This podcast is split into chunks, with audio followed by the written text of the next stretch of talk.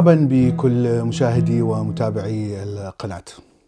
عندما كنت طفلا وطبعا في مجتمع متدين في العراق آه، كنا نسمع كثير عن آه، آيات الإعجاز العلمي في القرآن وكانت تعطى كدليل على أن الدين الإسلامي والقرآن هو فعلا منزل من من الإله لأنه يتنبأ بنظريات علمية اكتشفت في المستقبل. طبعا عندما كنت طفل كنت أصدق بكل هذا الكلام وحتى عندما كنت أفكر في هذا الكلام عندما كنت مراهق آه، كنت أرى انه أنه هذا كلام منطقي. بعدما دخلت في فترة التفكير الفلسفي رأيت أن هذا الكلام أصبح غير منطقي لأن لغة القرآن لغة مبهمة وليست لغة علمية. لا يوجد أي معادلات رياضية في القرآن، لا يوجد أي توضيح لهذه النظرية العلمية التي يطرحها مثلا الجديدة ولا يمكن الاستفادة منها بشكل علمي فإذا كان القرآن قد اقترح أن الأرض تدور حول حول نفسها وتدور حول الشمس آه، من آيات الليل والنهار هذه لم تصل بالعلم الإنساني أو بعلم المسلمين إلى أن فعليا الأرض تدور حول نفسها أو تدور حول الشمس. هذا لم يحدث فاذا كل آيات الإعجاز العلمي التي كنت أسمعها فعليا آه، آه، يعني لم تعطي هذه الفائدة العلمية وفكرة أنها أنها إعجاز علمي وضعت بعد اكتشاف النظريات العلمية من الغرب. فالشيء المحير بالنسبة لي كان لماذا يضع الناس آه، أفكار غير موجودة في هذا النص؟ ومن ثم بعد أن بدأت أتعرف على مسيحيين وحتى على يهود اكتشفت أن لديهم بالضبط نفس الأفكار. اليهود عندهم منظومة فكرية هائلة من إعجاز الأرقام في التوراة، يعني الإعجاز العددي في القرآن يعتبر لا شيء بالنسبة للإعجاز العددي في التوراة حسب ما يقوله اليهود المتدينين. في الإنجيل أيضا المسيحي العهد الجديد هناك فصل كامل اسمه ريفيليشن أو آه، نظريات مستقبلية. وهذا كله يتكلم عن ماذا سيحدث للجنس البشري. وطبعا هناك عدد هائل من المنشورات الذي يحاول أن يفك لغز آه، هذا الفصل الأخير من من العهد الجديد في الإنجيل. طبعا الكلام كله مبهم بالضبط مثل الكلام في القرآن والكلام في التوراة وطبعا هناك آه، نسترداموس الكاهن المسيحي المشهور الذي كتب رباعيات شعرية وهذه الرباعيات تتنبأ بكوارث ومآسي وجيوش تقتل وتنهب. وهذه كتبت في العصور الوسطى في أوروبا العصور المظلمة في أوروبا آه، لكنها ربطت بشكل كبير وبأدلة واضحة جدا في آه، غزوات نابليون أو هتلر وستالين وحتى بن لادن. وطبعا آه، الكلام أيضا مبهم وممكن أن يفسر بكثير من الطرق.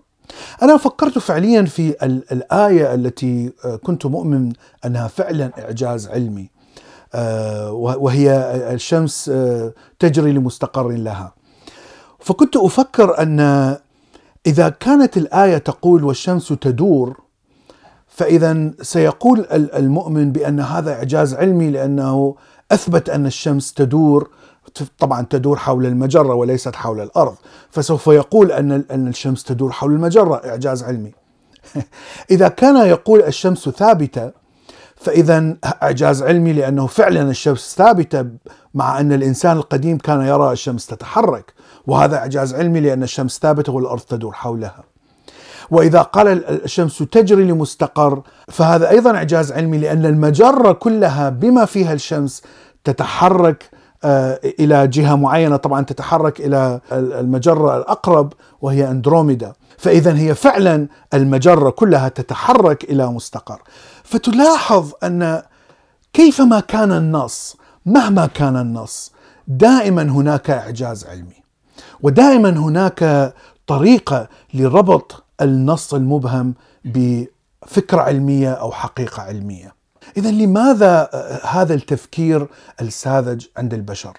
في البداية البحث عن النمط والبحث عن الصورة التي آه، ترتبط بشكل منطقي ما بين الشيء الذي نراه والشيء الذي نعرفه.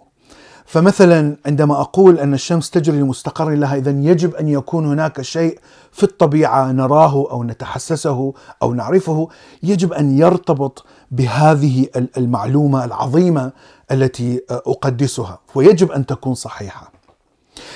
الإنسان منذ منذ ملايين السنين وعبر التطور كان يبحث عن هذا الربط، يبحث عن هذه الصورة التي تربط النقاط الغامضة في الطبيعة. هذا الشيء هو الذي أتاح للإنسان البقاء وعدم الانقراض، لأن فعليا إذا رأيت شبح يتحرك خلال الأعشاب أو الأشجار وإذا لم تفكر أن هناك احتمال يعني حيوان مفترس فإنك ممكن أن تموت لأن ممكن أن يكون هناك حيوان مفترس. طبعا احتمالية الحيوان المفترس هي 50% لكن الشخص الذي لا يبحث عن هذه عن هذه الصورة حتى لو كانت صورة وهمية لابد وأن سوف يخطأ في وقت معين ويموت لوجود هذا الحيوان المفترس. لكن الشخص الذي دائما يبحث عن هذه الصورة ودائما يرى حيوانات مفترسة حتى لو لم تكن موجودة هذا الشخص يكون طبعا في في موقف حذر أكبر بكثير فاذا فهو سوف يهرب وسيقي نفسه سواء كان هناك حيوان مفترس أو لا.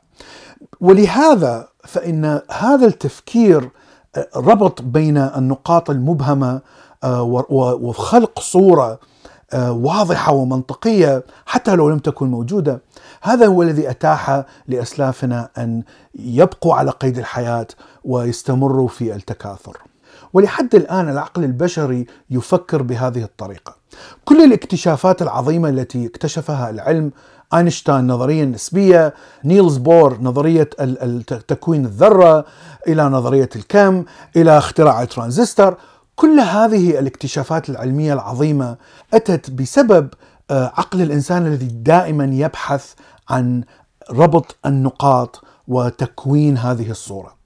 آينشتاين كان صحيح في تكوين هذه الصورة مع أنها كانت صورة خيالية لا يوجد دليل على وجودها، فكرة النسبية وفكرة أن الضوء له سرعة ثابتة لا يمكن أن تتغير وأن الزمن هو الذي يتغير إلى آخره. نفس الشيء عندما وضع داروين نظريته التطور لم يكن هناك أي أدلة مادية في ذلك الوقت لا من الحفريات ولا من الدي ان اي ولا من الخلايا لم يمكن نعرف أي شيء لكنه تصور فكرة وحاول أن يربط بين نقاط هذه الفكرة ورأى أن ربط هذه النقاط شيء منطقي. طبعا ليس كل الأفكار العلمية صحيحة، هناك هناك كم هائل من النظريات العلمية التي أثبت خطأها بمرور الزمن.